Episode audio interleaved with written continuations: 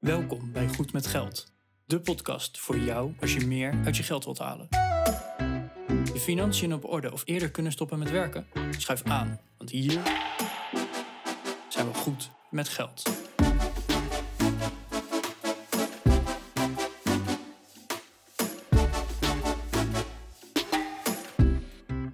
Aflevering 124 van de Goed met Geld podcast. Bas en Arjen weer hier. Eh, nieuwe week, nieuwe podcast, zeggen we dan. Aflevering 124 inmiddels. We hebben net een hele toffe aflevering opgenomen. Ja, over risico's. Hoeveel risico wil je nemen in je leven? En dan eh, met name het linkje natuurlijk naar je financiën. We blijven het hebben over geld immers. Maar we kijken op best wel een brede manier eh, naar risico. Risico nemen met sparen versus beleggen, in loondienst blijven of voor jezelf beginnen als ondernemer. Dus ik zou zeggen, veel luisterplezier. En als je wat meer wil weten, check dan even onze website. Je vindt de show notes daar op goedmetgeldpodcast.nl slash 124. Ik vind mensen die niks met hun persoonlijke financiën doen erg risicovol. Zo, dat is wel een stelling om mee te beginnen vandaag. Hoeveel reacties zullen we daarop gaan krijgen? Geen idee, kom maar op. Goedmetgeldpodcast.nl slash contact. Bring it on. Ja, bring it on. Ja, uh, oké, mensen die niets met hun persoonlijke financiën doen, zijn erg risicovol. Of die doen erg risicovol. Vind ik. Ja, ik, ik vind dat zij risico nemen door niet naar hun financiën te kijken. Oké, okay, oké. Okay. Nou, we hebben natuurlijk al eerder een aflevering opgenomen over uh, je financiën doen zonder administratie. Maar goed. Ja, oké, okay, dat is niet hetzelfde. Daar, daar heb ik dat het is niet hetzelfde. Over. Nee, nee, precies. Maar hè, dat, het, het lonkt er wel naartoe. Dus ik denk dat je hem net even wat breder moet trekken, Bas. Want uh, niks eraan doen is wat anders dan geen administratie bijhouden. Ja, maar ik vind geen administratie bijhouden niet per se een probleem.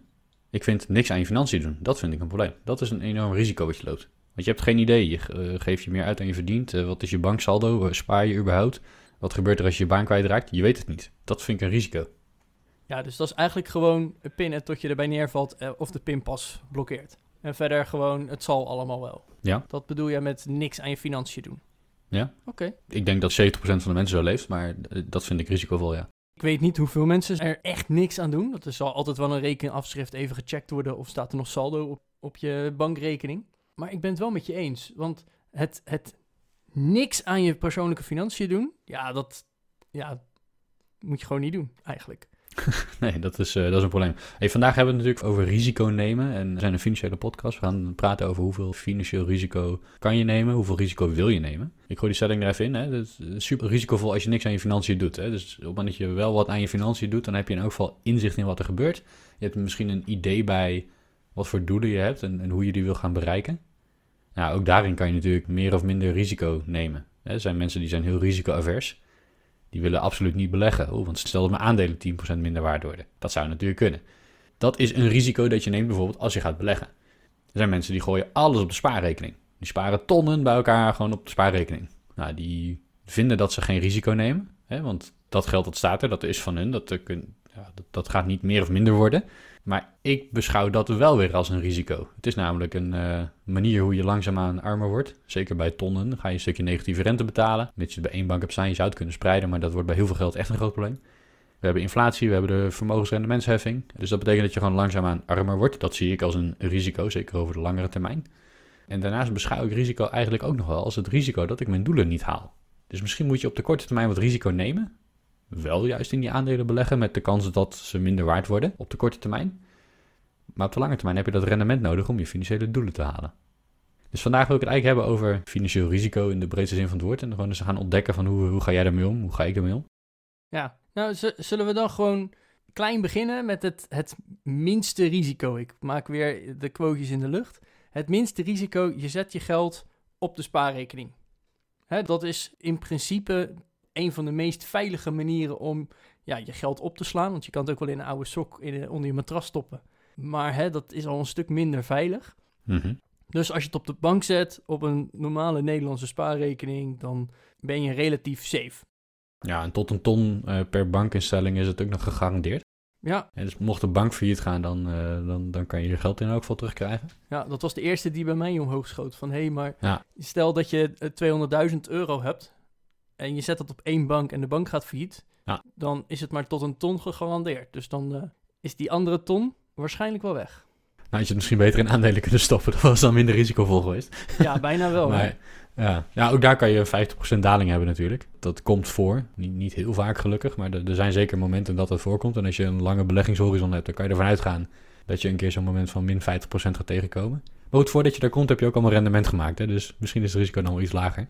Maar inderdaad, hè, mocht je meer dan een ton op de bank hebben staan, verspreid dat dan alsjeblieft over eh, wat verschillende banken. En let ook even op dat het echt verschillende bankinstellingen zijn. Hè? Niet dat je bij een of andere internetbank eh, een deel neerzet, die dan toevallig onder dezelfde banklicentie valt als de, de bank waar jij ook bij bankiert. Want ja, als ze onder dezelfde bankinstelling vallen, dan, eh, dan tellen ze niet als twee losse banken voor het garantiestelsel in elk geval. Dus mocht je, mocht je heel veel spaargeld hebben, is dat absoluut aan te raden dat je dat gaat verspreiden over verschillende banken. Ja, en verder zeg jij, nou, het, het is een risico, want je geld wordt minder waard. Nou kan dat, eh, hè, dat kan zijn dat je zegt, nou dat risico, ik, ik zie dat niet als een risico, want ik weet dat dat gebeurt.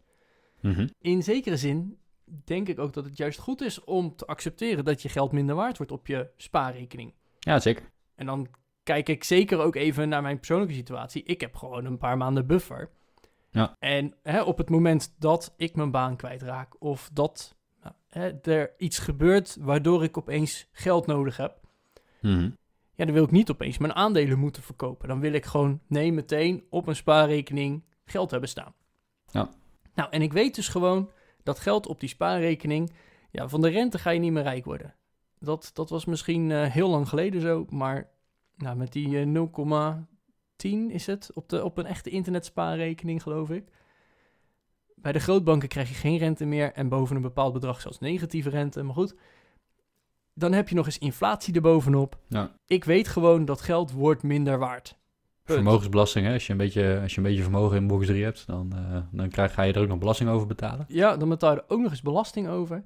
En toch ga ik dat bedrag niet investeren. Nee, nee, dat snap ik. En ja, is dat dan een risico? Nou, ik, ik vind van niet. Hè. Als je het onbewust er doelloos laat staan, dan, ja, dan wordt dat gewoon minder waard.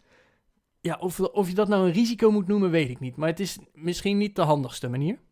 Maar, maar in mijn geval zeg ik, ik heb er gewoon een, een paar maanden aan leefgeld. Hè. Als mijn inkomsten wegvallen, kan ik daar in ieder geval nog een paar maanden op door. Ja, precies. Dus, dus voor jou is die buffer inderdaad eh, niet, niet een risico. Ik zie het juist als het afdekken van een stukje risico. Namelijk dat je op enig moment geld nodig hebt. En door die buffer te hebben, heb je geld achter de hand voor als het een keer nodig is, in wat voor situatie dan ook.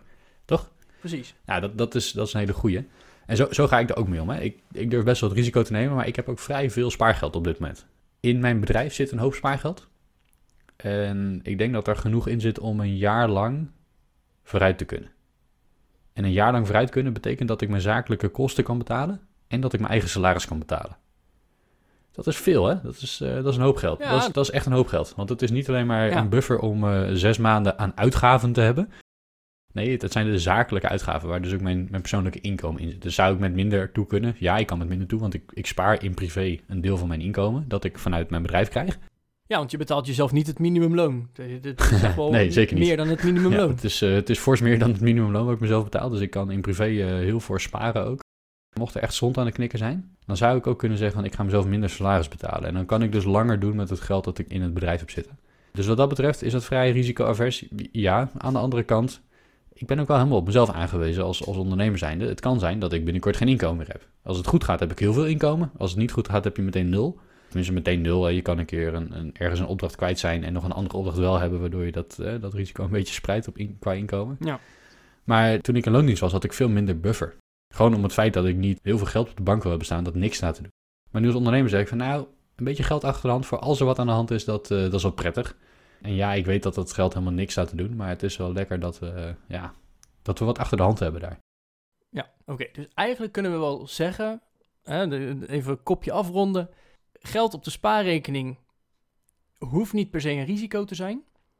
Maar als je echt gewoon zegt van ja, ik heb geen idee hoeveel geld er op mijn spaarrekening staat. Misschien is het wel een tonnetje of drie. Het staat lekker op één rekening. Dan is dat toch eigenlijk wel een risico wat je neemt. En dus risicovol. Ja, en, en als je verder niks doet aan je financiën, dus het enige is wat je doet is dat je spaart, dan vind ik dat ook een risico. Omdat de inflatie aan je geld eet. Dus je bent heel hard aan het werk en dat geld dat stop je op de spaarbank. En de spaarbank die zorgt ervoor dat het elke keer minder wordt. Ja, dat, dat, vind ik een, dat vind ik een risico. Op het moment dat het een nut heeft, hè, als je zegt van ik heb, weet ik veel, 10.000 euro buffer nodig. Ja, die 10.000 euro, die moet je op je spaarrekening laten staan. Prima. En als dat wat minder waard wordt door inflatie, nou, op een gegeven moment ga je zeggen van nou, ik wil niet meer 10.000, ik wil 12.000 euro hebben. Weet je, daar, daar, kan je een beetje mee spelen zelf.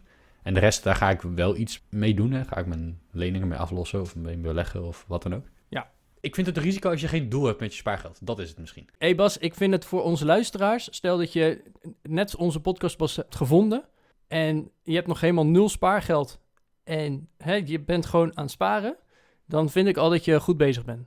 Zeker. Die noot wil ik even maken dat je zegt van nou, ik heb nog niet genoeg geld om überhaupt te gaan beleggen. Ik spaar nu alleen. Dan ben je al goed bezig. Ja. Op het moment dat je dat helemaal blind doet en gewoon geen idee hebt, dan heb je dus mogelijk een risico. Maar stel dat je inderdaad pas net begonnen bent, er staat nu uh, 1000 euro spaargeld, maar je wil daar eerst 5000 euro van maken, dan vind ik dat geen risico.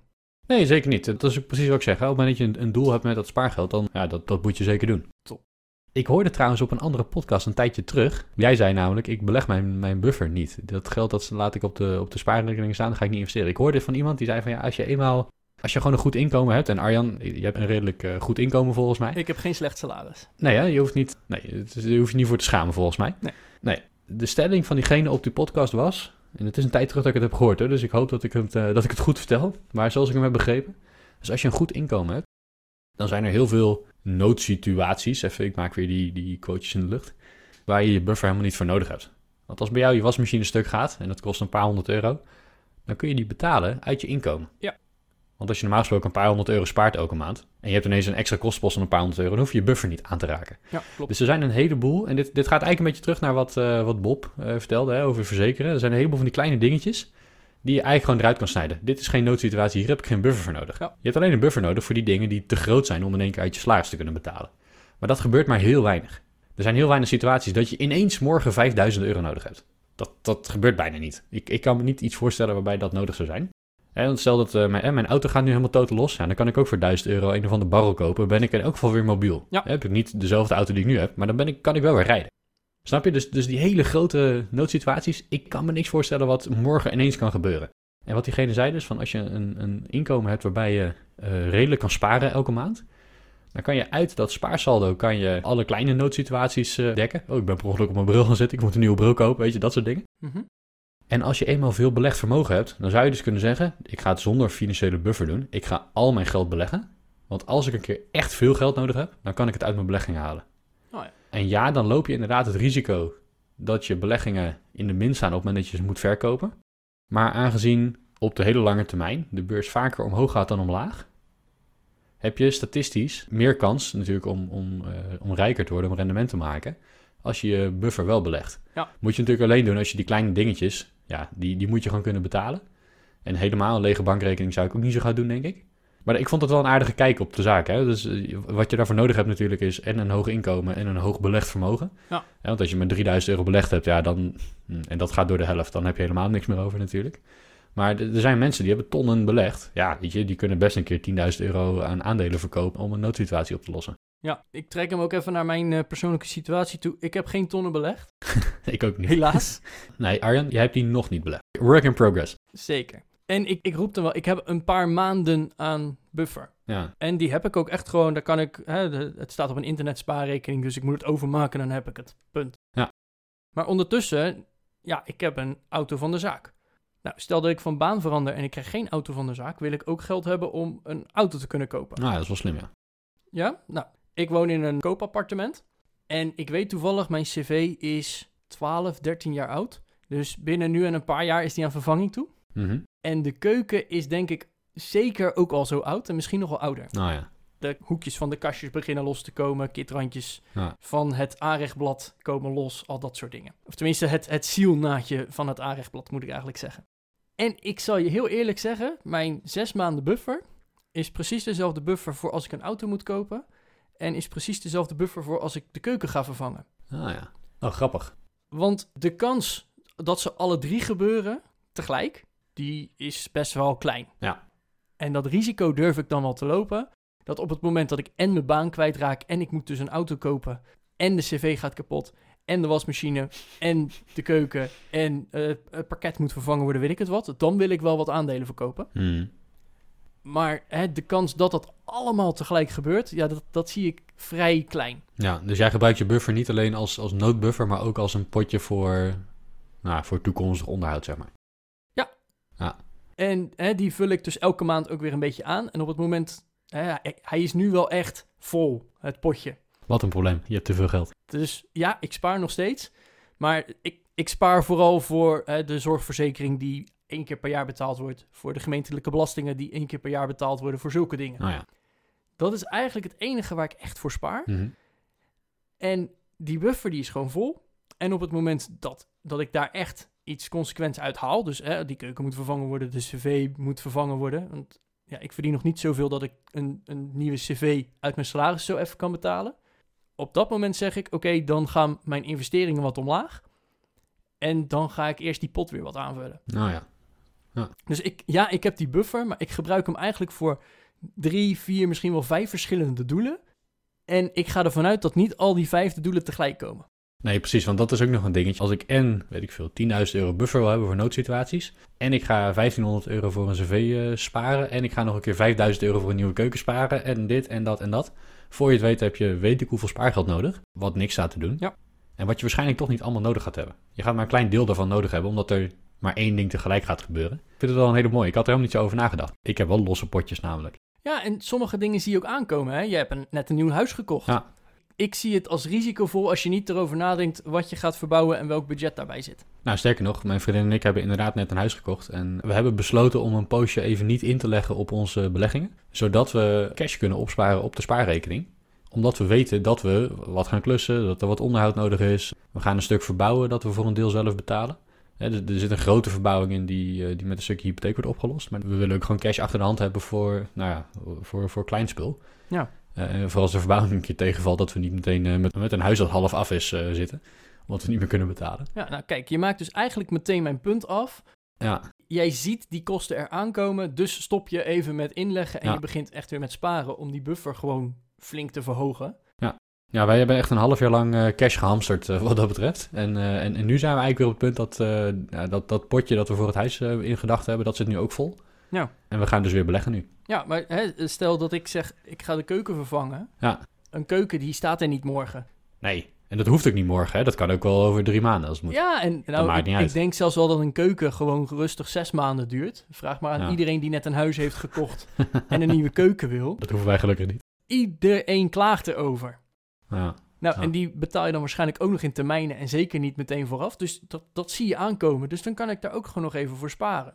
Ja. Om niet meteen die buffer tot het onderste bodempje leeg te trekken. Ja. Dus ja, ik heb zeker een buffer. Ik vind het ook heel interessant om te, zeggen, om, om te horen van... Ja, die beleggingen die kan je ook als buffer gebruiken. Die gebruik ik misschien ook wel als buffer. Maar eigenlijk mijn, mijn eerste buffer, die heeft vijf verschillende bufferdoelen. Mooi. Ja, Ja, en ik neem dan het risico dat ze niet allemaal tegelijk komen. ja zo, zo zie ik het ook wel inderdaad. Zakelijk gezien een wat grotere buffer. Privé hebben we een wat kleine buffer. We hebben gespaard voor, voor uitgaven waarvan we weten dat ze gaan komen. En mocht echt alles kapot gaan en de hemel komt naar beneden zetten, dan kunnen we nog de beleggingen verkopen. Weet je wel, dat is... Je hebt meerdere lagen in je verdediging zitten, als het ware, in je, Ja. in je veiligheidssysteem. ja. hey, even een ander dingetje. Als je dat stukje risico hebt afgedekt met spaargeld, hè, en je gaat zeggen van, nou oké, ik, eh, ik luister al wat vaker naar Arjan en Bas. Ik wil aan mijn vermogen gaan werken, ik wil vermogen gaan opbouwen. Kan je natuurlijk ook op verschillende manieren doen, met verschillende risicoklasses, om het even zo te noemen. Ja. Ik ken bijvoorbeeld iemand, persoonlijk, die... eh, hij en zijn vrouw zijn eh, druk bezig om de hypotheek af te lossen. Hè, dus zij, zij nou, ze hebben een goed inkomen, ze houden wat geld over. Ze zijn eh, denk ik goed met geld. Ik weet niet of ze luisteren. Daar hebben we het eigenlijk nooit over gehad. Maar, maar zij zijn als, als stel zijnde goed met geld. En ze duwen eigenlijk al hun geld dat ze overhouden in de hypotheek. Nou, ik geloof dat zij begin 30 zijn. En over twee jaar zijn ze hypotheekvrij. Zo, wat tof. Nou, dat, dat is heel tof. Maar ik heb ook wel eens met hem erover gehad. Van, ah, moet je nagaan, als jij nu dat bedrag hebt, wat jij nu elke maand in je hypotheek zit te duwen. Wat nou als je dat zou beleggen? En je hebt een, weet ik veel. Neem een rendement om mee te rekenen. Moet je kijken hoeveel, hoeveel je dan kan opbouwen. Ja. Ja, maar dat is onzeker. En nu gaan de maandlasten ook omlaag. En eh, gegarandeerd rendement, want die rente betalen we niet meer. En nou, noem het maar op. Dus waar ik eigenlijk naartoe wil, is als je vermogen gaat opbouwen, kan je dat op vele verschillende manieren doen. Je kunt je leningen gaan aflossen. Je kunt eh, vermogen opbouwen in, in assets, hè, in, in, in activa. Je kunt aandelen kopen, vastgoed kopen, noem maar op. In beide situaties, of je nou uh, activa koopt of dat je, je je leningen aflost, in beide gevallen gaat jouw vermogen natuurlijk omhoog. Het aflossen van leningen is best wel, uh, ja, als je risicoavers bent, als je bang bent voor, uh, voor schommelingen in je vermogen, ja, dan is een aflossen van een lening natuurlijk perfect. Ja. Je hebt gegarandeerd die rente die je niet meer betaalt. Dat is gegarandeerd rendement. Ja, en Bas, deze kunnen we ook weer terugkoppelen naar het vorige punt. Want hè, wij zeiden allebei, we hebben genoeg salaris om te kunnen sparen. En ons salaris is in principe gewoon genoeg om de wasmachine te vervangen. Als het nodig is. Hè. De, nou. Vraag me niet een professionele miele aan te schaffen of zo. Maar gewoon een huistuin- en keukenwasmachine die voor mij prima is. Kan ik wel missen in een maand. Ja. Maar stel nou dat je inderdaad je hypotheek extra aflost. Dan gaat jouw maandelijkse hypotheekbedrag, wat je aan aflossing en rente moet betalen, gaat ook omlaag. Dus daar zit ook weer eigenlijk een dubbele factor in. Dat als je zegt van nou, we hebben echt een tophypotheek en hè, het kon net, maar dat voelt niet zo heel chill. Dan kan je ook zeggen van hé, hey, we beginnen gewoon met extra aflossen. Zodat je in de loop van de maanden ook eigenlijk gewoon die ademruimte krijgt. Dat als de wasmachine kapot gaat, dat je dus wel die wasmachine kan betalen. Hè, dat kan ook op die manier dat een extra risico ja, wegneemt. Ja. Om nou te zeggen dat je dan meteen je hele hypotheek af moet lossen. Dat is een ander verhaal. Maar je kan dus echt het, het, die top ervan afhalen, zodat je meer ademruimte hebt in de maand. Ja, nee, precies. En dat is. Uh, ik, ik, denk dat dat voor heel veel mensen in Nederland best een. Uh, in Nederland zijn een vrij risicoavers volk, hè? Ja. Dat zie je ook uh, met verzekeren. We verzekeren alles wat los en vast zit. En het liefst zonder eigen risico. En het liefst verzekeren we alles twee keer. En als je, als je risicoavers bent en je houdt dat geld over. en je hebt een koopwoning met een hypotheek. en je gaat die hypotheek aflossen. Ja, je, je houdt uh, 100 euro de maand over, die ga je aflossen. Op een gegeven moment heb je zoveel afgelost dat je 110 euro de maand overhoudt, want je kosten gaan omlaag, weet je. Dat, is, dat werkt briljant. Ja. Plus, als je dan een keer je baan kwijtraakt, dan heb je minder buffer nodig. En jij zegt van, nou, ik heb een paar maanden aan uitgaven. Als je uitgaven lager worden, dan heb je steeds minder buffer ook nodig om voor rond te kunnen komen. Of, of met dezelfde buffer kan je het langer volhouden. Ja. ja dus dat effect is, is wel heel goed. Moet ik wel bij zeggen dat en dit is geen, geen financieel advies, geen beleggingsadvies, maar historisch gezien hebben beleggingen in aandelen en obligaties het beter gedaan qua rendement dan dat de meeste mensen nu, niet iedereen, dan dat de meeste mensen vandaag de dag aan hypotheekrente betalen. Ja. Als jij nog een oude hypotheek hebt met 7% rente, oké, die zou ik misschien wel uh, zo snel mogelijk willen aflossen of oversluiten. Of zeg, wat heel vroeger betaalde je gewoon nog 11, 12% hoor. Ja. Dat is al heel lang geleden, maar... Daar zullen er nu niet zo heel veel meer van over zijn, denk ik. Nee, maar maar misschien als je hem 30 jaar hebt vastgezet en uh, 28, uh, je bent nu 28 jaar weg of zo. Ik weet, ik weet niet hoe hoog de rente 28 jaar geleden was. Maar goed, het, het zou, er, er zijn nog, er zijn zeker nog mensen die een, die een vrij hoge hypotheekrente hebben. Maar heel veel mensen hebben tegenwoordig natuurlijk een, een vrij lage rente. De rente is al jaren laag. Dus op het moment dat je of een nieuwe hypotheek hebt genomen of dat je rentevastperiode is verstreken, je hebt, hem, je hebt hem weer verlengd, zeg maar, dan, dan heb je nu al een vrij lage rente. Als je dat ergens in de afgelopen 6, 7 jaar hebt gedaan. Als je dat meeneemt, dan heeft beleggen in het verleden op de lange termijn meer rendement gehaald dan wat je nu aan, uh, aan hypotheekrente betaalt. Hè. Ervan uitgaan dat mensen tussen de 1 en de 3% hypotheekrente betalen. En dat beleggingen over de hele lange termijn in het verleden, geen garantie op de toekomst, tussen de 5 en de 10 hebben, hebben opgebracht, zeg maar. Dus als je bereid bent om wat meer risico te nemen, dan zou je ook kunnen zeggen van nou, ik ga niet volledig mijn hypotheek aflossen, maar ik ga het geld dat ik overhoud, ga ik beleggen. Een, een mix daarvan is natuurlijk ook mogelijk. Hè? Je hoeft niet het, ene, het is nooit zwart-wit, het een of het ander. Je kan het ook allebei doen. Ja, wat we er net zeiden, hè? je kan ook gewoon die hoogste top van je hypotheek eraf halen. Ja. Dat je zegt van nou, dan heb ik wat meer ademruimte. En op het moment dat je wat meer ademruimte hebt, Ja. dan begin je dat te beleggen. Dat zou ook zomaar kunnen. Dan durf ik wat meer risico te nemen inderdaad. Ja, dat, dat, dat kan je goed doen.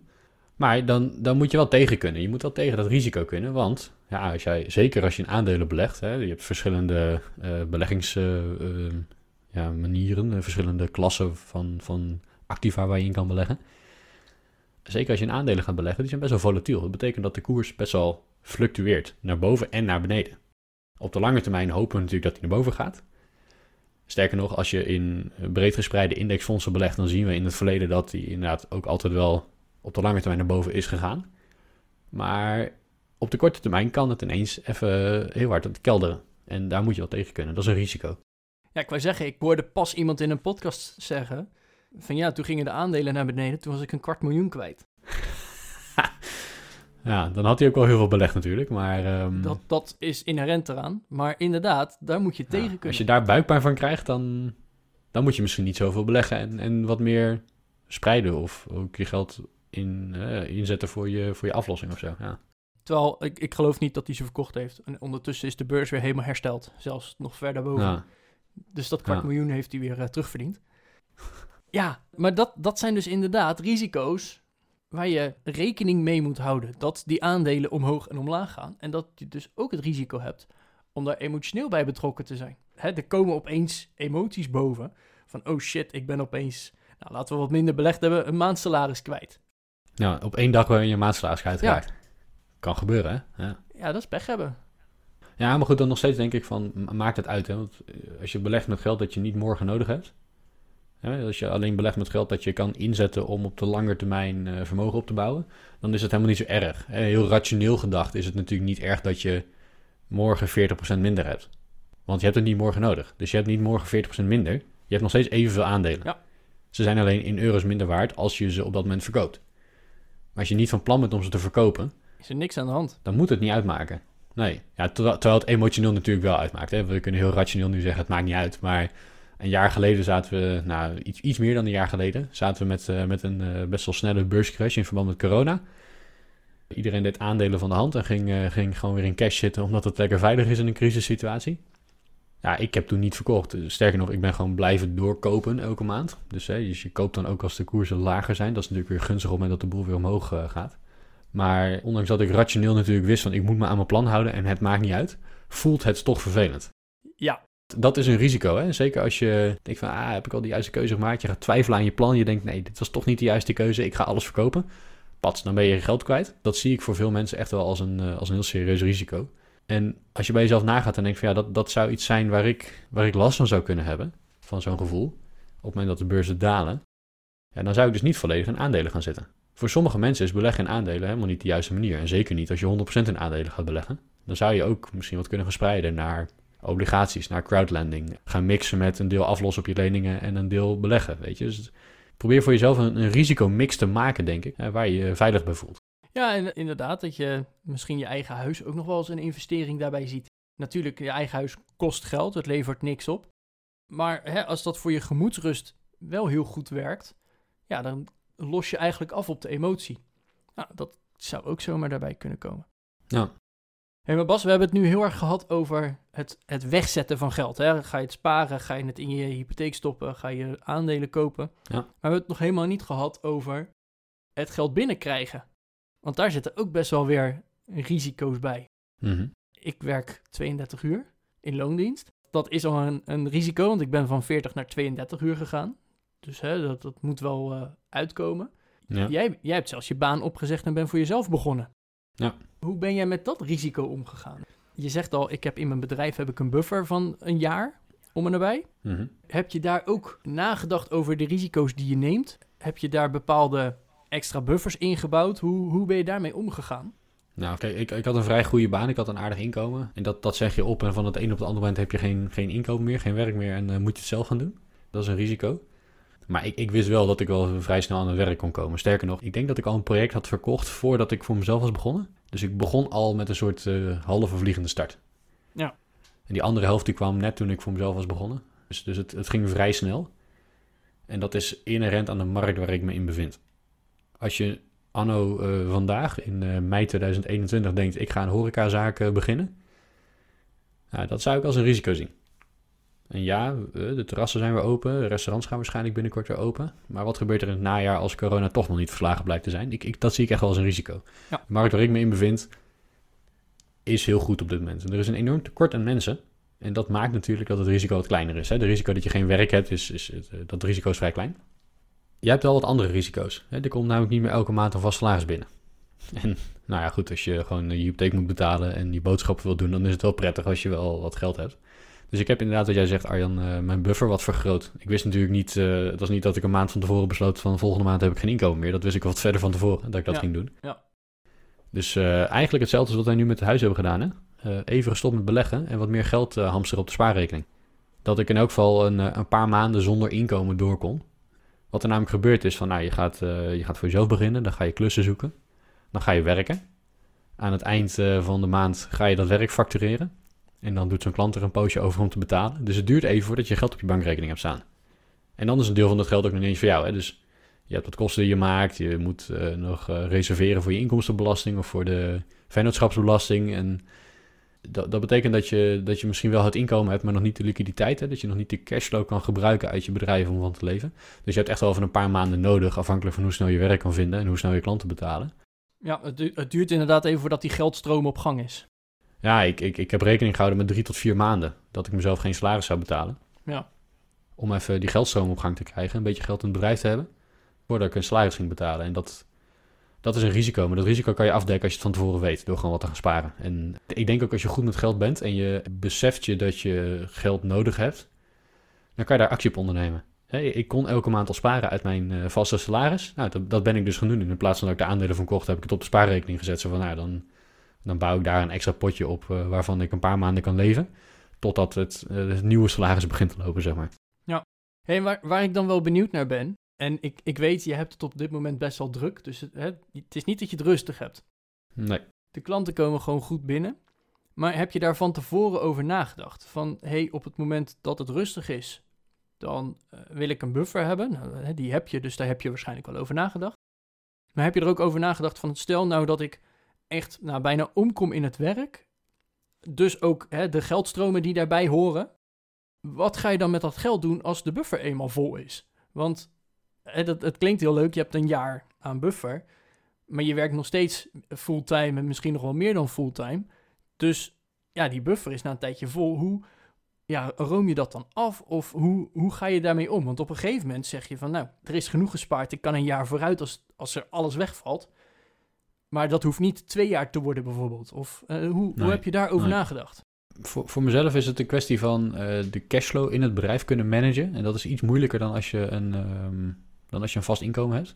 Wat er namelijk gebeurt is dat ik inderdaad, eh, ik werk 40 of 50 uur per week. Daarnaast huur ik af en toe andere bedrijven in die dan als onderaannemer voor mij werken. Ik moet die bedrijven betalen en dan maar hopen dat mijn klant mij gaat betalen. Dus je hebt, je hebt dat cashflow dat je moet managen. Daarnaast moet je reserveren voor de belastingen. Je moet BTW betalen, eh, no- noem het maar op. Dus je moet zorgen dat er genoeg geld op de bank staat. Nou, die buffer die zorgt er natuurlijk onder andere voor dat er geld op de bank staat. Niet alleen Ja. maar voor als je een keer geen werk hebt en je wil wel je eigen salaris betalen. Maar ook als je een rekening van een leverancier krijgt en de klant van jou betaalt eh, te laat. Ja, dan kan ik toch gewoon die leverancier betalen. Dan, dan, dan maakt dat niet uit. Dus het is een stukje cashflow management ook, denk ik. En, en wat ik nu doe, is dat ik mezelf gewoon een vast salaris betaal.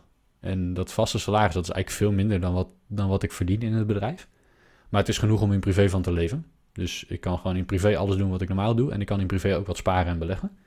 En het restant laat ik in het bedrijf zitten en dat room ik elk kwartaal af. Vier keer per jaar kijk ik wat heb ik in het afgelopen kwartaal verdiend. En daar doe ik eigenlijk gewoon een hele simpele vrije cashflow berekening op. Dat wordt wat bedrijfskundig. Maar waar je in feite naar kijkt is dat je niet puur naar de winst kijkt, maar je kijkt naar wat de vrije cashflow in het bedrijf is. Dus dat is je omzet min je kosten, dat is je winst. Mhm. Je kijkt naar, op het moment dat je debiteurenpost is opgelopen, hè, op het moment dat je veel, veel facturen hebt verstuurd aan klanten, dan heb je veel winst gemaakt. Maar als die klanten nog niet betalen, dan lopen je debiteuren op. Hè, dus dan heb je wel die winst gemaakt, maar is het nog niet aan jou betaald op je bankrekening. Nou, dat hou je er weer van af. En zo heb je een aantal posten waar je, eh, ja, waar je, waar je bedrijfsfinancieel gezien zeg maar, naar kijkt. Om te bepalen wat is de vrije cashflow geweest. En het restant room ik dan af naar privé. Dus betaal ik als het ware een soort bonus. Of een, een winstuitkering, een dividenduitkering, hoe je het wil noemen. Dat doe ik vier keer per jaar. Dus dan heb je met enige regelmaat heb je in privé een leuk bonusje. eh, omdat je hard hebt gewerkt. En als het een keer wat rustiger is geweest, dan heb je een keer geen bonus misschien. Ja, en als het helemaal wegvalt, dan heb je misschien wel twee keer geen bonus, omdat de eerste buffer weer aangevuld moet worden. Ja, precies dat. Hè? Want ik kan dan eh, voorlopig gewoon uit de, uit de buffer mijn salaris blijven betalen. Dus dat maakt niks uit. In privé voel ik daar niks van dan op dat moment. En als het daarna weer, eh, weer bijtrekt, dan kan ik de buffer weer aanvullen. En dan, eh, ja, precies, precies Ja. wat jij zegt. Dus, dus eigenlijk doe je ook gewoon precies hetzelfde als wat je privé doet. Ja. Je hebt namelijk je buffer en op het moment dat je buffer vol is, dan stop je met je buffer sparen en dan ga je het beleggen. Dan ga je ermee beleggen of eh, aflossen. Of, ja. En in plaats dat je het vanuit je bedrijf gaat beleggen, betaal je het naar jezelf uit. Daar komt het eigenlijk... Oké, oké. Ja, je kunt, ook, je kunt er ook voor kiezen om het in je bedrijf te gaan beleggen. Hè. Tenminste, als je, als je een BV hebt, als je een eenmanszaak hebt, eh, mag dat volgens mij niet. Mag je geen, eh geen langer termijn eh, gelden aanhouden. Ja. Maar als je een BV hebt, kan je, in de, je kan ervoor kiezen om in de BV ook te gaan beleggen bijvoorbeeld. Dat, dat kan interessant zijn of niet. Ik ben daar nog niet helemaal over uit, maar... nou, dat zijn je, hebt, je kunt heel veel die keuze maken. En, het fijne is ook gewoon dat op het moment dat je die buffer hebt, dan, dan krijg je ook heel veel opties. Hè? In, in plaats van dat je gedwongen wordt om iets te doen, omdat, omdat het uit nood moet, Eh, je kunt eh, jezelf betalen, je kunt het gaan beleggen, je kunt het gaan aflossen, je kunt het op de bank laten staan. Je, weet je, je, je krijgt zoveel opties en dat is denk ik het fijne van het, van het hebben van die buffer. Ja. Dus ja, je neemt wat meer risico met je inkomen. Aan de andere kant, op het moment dat je dat inkomen hebt, heb je ook genoeg inkomen om een buffer op te kunnen bouwen. En, en daardoor gaat je risico weer omlaag. Dus Ja, en ik denk dat dat misschien ook wel de hele essentie is van, van deze aflevering. Op het moment dat je de ruimte hebt, is het makkelijk praten en dan durf je een risico te nemen. En op het moment dat je een risico neemt en het gaat niet helemaal goed, dan kan je dat weer terugschalen of er gebeurt wat. Ja, dan heb je je buffer en noem maar op. mhm. Maar op het moment dat je de ruimte niet hebt, dan is het heel moeilijk om aan de eerste stap te beginnen. En ik denk dat, dat we dat in deze aflevering ook wel even voor jou, beste luisteraar, hebben geprobeerd. Om het wat op te bouwen. Dus op het moment dat je nog niet die ruimte hebt van ik heb al een buffer en ik ben al een beetje aan het sparen en hè, ik gebruik mijn buffer voor vier verschillende dingen. Mhm. Begin dan gewoon lekker met spaargeld. Ja. Hè, ja, het wordt wat minder waard. Waarschijnlijk zit je nog niet aan de vermogensrendementsheffing. Maar ja, het- door inflatie wordt het geld minder waard en het levert je geen rente op. Maar het geeft je wel weer die emotionele rust. Op het moment dat je die buffer hebt, dan kan je eens gaan kijken van... hé, hey, kan ik wat anders met wat er boven die buffer uitschiet? Kan ik mijn hypotheek af gaan lossen? Kan ik gaan investeren in wat dan ook? Hè? Eh, we, we hebben verschillende dingen genoemd. En ik denk dat dat... Ja, dat is een, een beetje... Ja, toch die mindset waar we het eerder ook al over hebben gehad. Het is de mindset van... Ik heb geld. Ik heb een, een bepaald bedrag aan geld. En welk risico durf ik daarmee te lopen? En welke emotie komt daarbij los? Hè, want er zijn genoeg mensen die hun hypotheek helemaal aflossen. Want dat is heel goed voor hun emotionele gemoedsrust. Ja, prima. Het is misschien niet de meest renderende optie. Mhm. Maar om nou te zeggen, het is een slechte keuze. Nou, dat wil ik ook niet meteen zeggen. Nee, nee, nee. Het is, het is een heel mooi begin hè, wat je maakt. Je, Ja, geeft jezelf, je geeft jezelf echt een kickstart als je dit doet. Ja, en hè, waar we mee begonnen, met die, die stelling, ik vind mensen die niks met hun persoonlijke financiën doen erg risicovol. Ja, daar zijn we het nog steeds wel mee eens. Als jij gewoon elke maand, ja, je weet je krijgt je salaris en je pint tot die niet meer kan. Je kan rood staan en, en dat, dat los je eigenlijk nooit af en je kijkt er nooit naar. Hè, en op het moment dat je, dat je pinpas het niet meer doet, grijp je naar je creditcard of naar de volgende pinpas Mhm. dan denk ik inderdaad dat je heel erg risicovol bent. Maar op het moment dat jij gewoon al je app opent en ziet van hé, hey, dit komt erin, dit gaat eruit. En je weet dat al in balans te houden, of het liefst dat er meer inkomt dan dat eruit gaat. Hè, en dat je een beetje kan sparen. Ja. Dan vind ik je al een stuk minder risicovol. Ja. En met dat risico kan je dus ook weer je emotie in balans brengen. Ja. Hè? En hoe groter die buffer is, hoe makkelijker je dus wat risico kan nemen, of meer risico kan nemen, zonder dat je emotie meteen omhoog schiet. Dus misschien is risico ook wel gewoon de balans tussen ja, risico en emotie. En dat moet wel ook weer in balans zijn. Plus natuurlijk gewoon je saldo.